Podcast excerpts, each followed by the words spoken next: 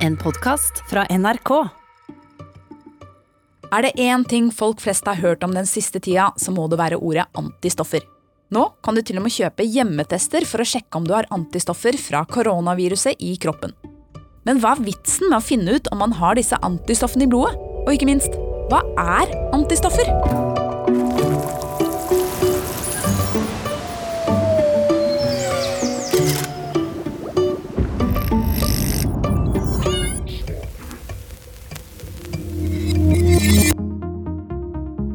Hei og hjertelig velkommen tilbake til en ny episode av Smartere på ti minutter, der jeg, Selda, forteller deg om fakta, vitenskap, historie og andre morsomme temaer som gjør deg nettopp det, litt smartere, på ti minutter. Oh yeah. Historien jeg vil fortelle deg i dag, starter med hester. Hester ble brukt som medisinfabrikker mot sykdommen krupp, bedre kjent som difteri. Difteri er en ekstremt smittsom bakterieinfeksjon som var vanlig her i Norge fram til andre verdenskrig. Sykdommen starter med at difteribakterien lager betennelse i slimhinnen i svelget og i luftveiene. Bakteriene produserer gift som kan gi sår, hals og feber. Og denne giften ødelegger etter hvert slimhinnene i luftveiene, og etter to-tre dager blir det veldig vanskelig å puste, fordi det døde slimvevet blir til en seig, grå masse. Giften kan også komme seg i blodet, og da kan hjertet, nyrene og nervene i kroppen bli skada.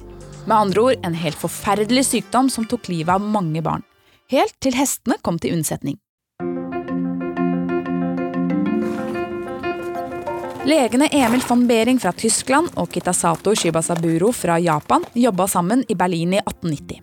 Disse to prøvde å finne en behandling mot infeksjoner, og prøvde mye rart.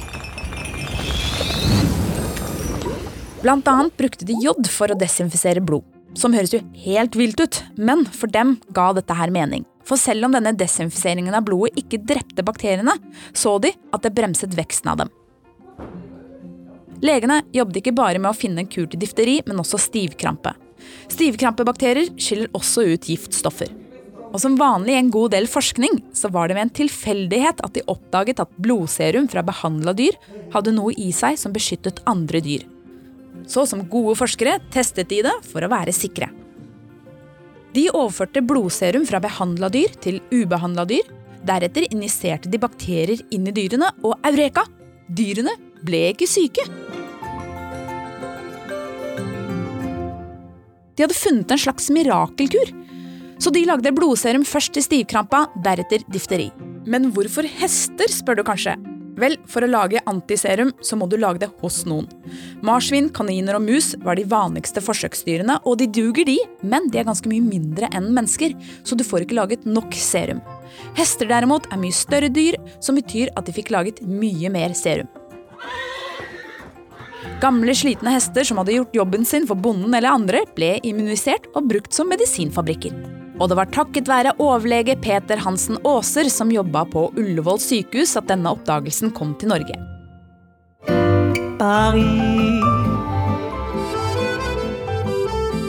Peter hadde vært i Paris og lært seg metoden for å immunisere hester, så han kjørte på og skaffa en hest med sin egen stall rett ved sykehuset og startet Seruminstituttet.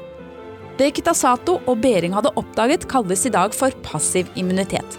Antistoffer laget i én kropp som har gått gjennom en sykdom, kan beskytte en annen kropp. Men hva er antistoffer? Antistoffer er proteiner som lages av en celletype som kalles for B-celler. Proteinene er forma som en Y og fester seg til bakterier, virus eller syke celler. Når de har festa seg på dem, blir de en slags markør, sånn at resten av immunsystemet kan oppdage og fjerne inntrengeren.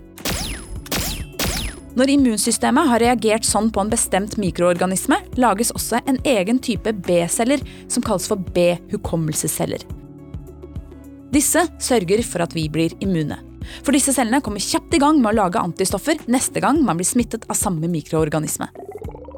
Antistoffer fra dyr eller mennesker som har hatt en sykdom før, kan brukes til å bekjempe sykdommen. Det kan gi en kortvarig immunitet, men kroppen vil ikke klare å lage sine egne antistoffer. Det gjør den om den blir vaksinert. Vaksiner lages av svake eller døde mikroorganismer som ikke kan gjøre oss syke. Immunsystemet vårt vil likevel reagere og lage antistoffer i tillegg til hukommelsesceller som gjør oss immune. Så tilbake til covid-19. Disse antistofftestene sjekker altså om B-cellene våre har reagert på koronaviruset. Restene av antistoffene vil forhåpentligvis finnes flytende i blodet vårt om vi har hatt sykdommen. Men akkurat nå vet forskerne litt for lite om kroppen egentlig lager antistoffer mot dette viruset, men det er mye som tyder på det. I New York har de gjennomført en omfattende studie som ikke er fagfellevurdert ennå. Men så å si alle av de 624 menneskene som testa positivt for viruset, viste at de hadde antistoffer 1-7 uker etterpå. Og kanskje kan antistoffserum fra folk som har blitt friske fra covid-19, brukes som medisin hos andre som er i en tidlig fase av sykdommen. Dette testes av leger i Danmark, USA og Japan. Men hva resultatet blir, det vet vi ikke ennå. Uansett så blir ikke dette her nødvendigvis selve kuren, men det kan være med på å flate ut kurven. Og til info, nei, de bruker ikke hester til dette denne gangen. Så for å oppsummere, dyrene har ofra seg for å redde oss. Vi har et komplisert immunsystem. Og veldig mye tyder på at mennesker utvikler antistoffer mot covid-19.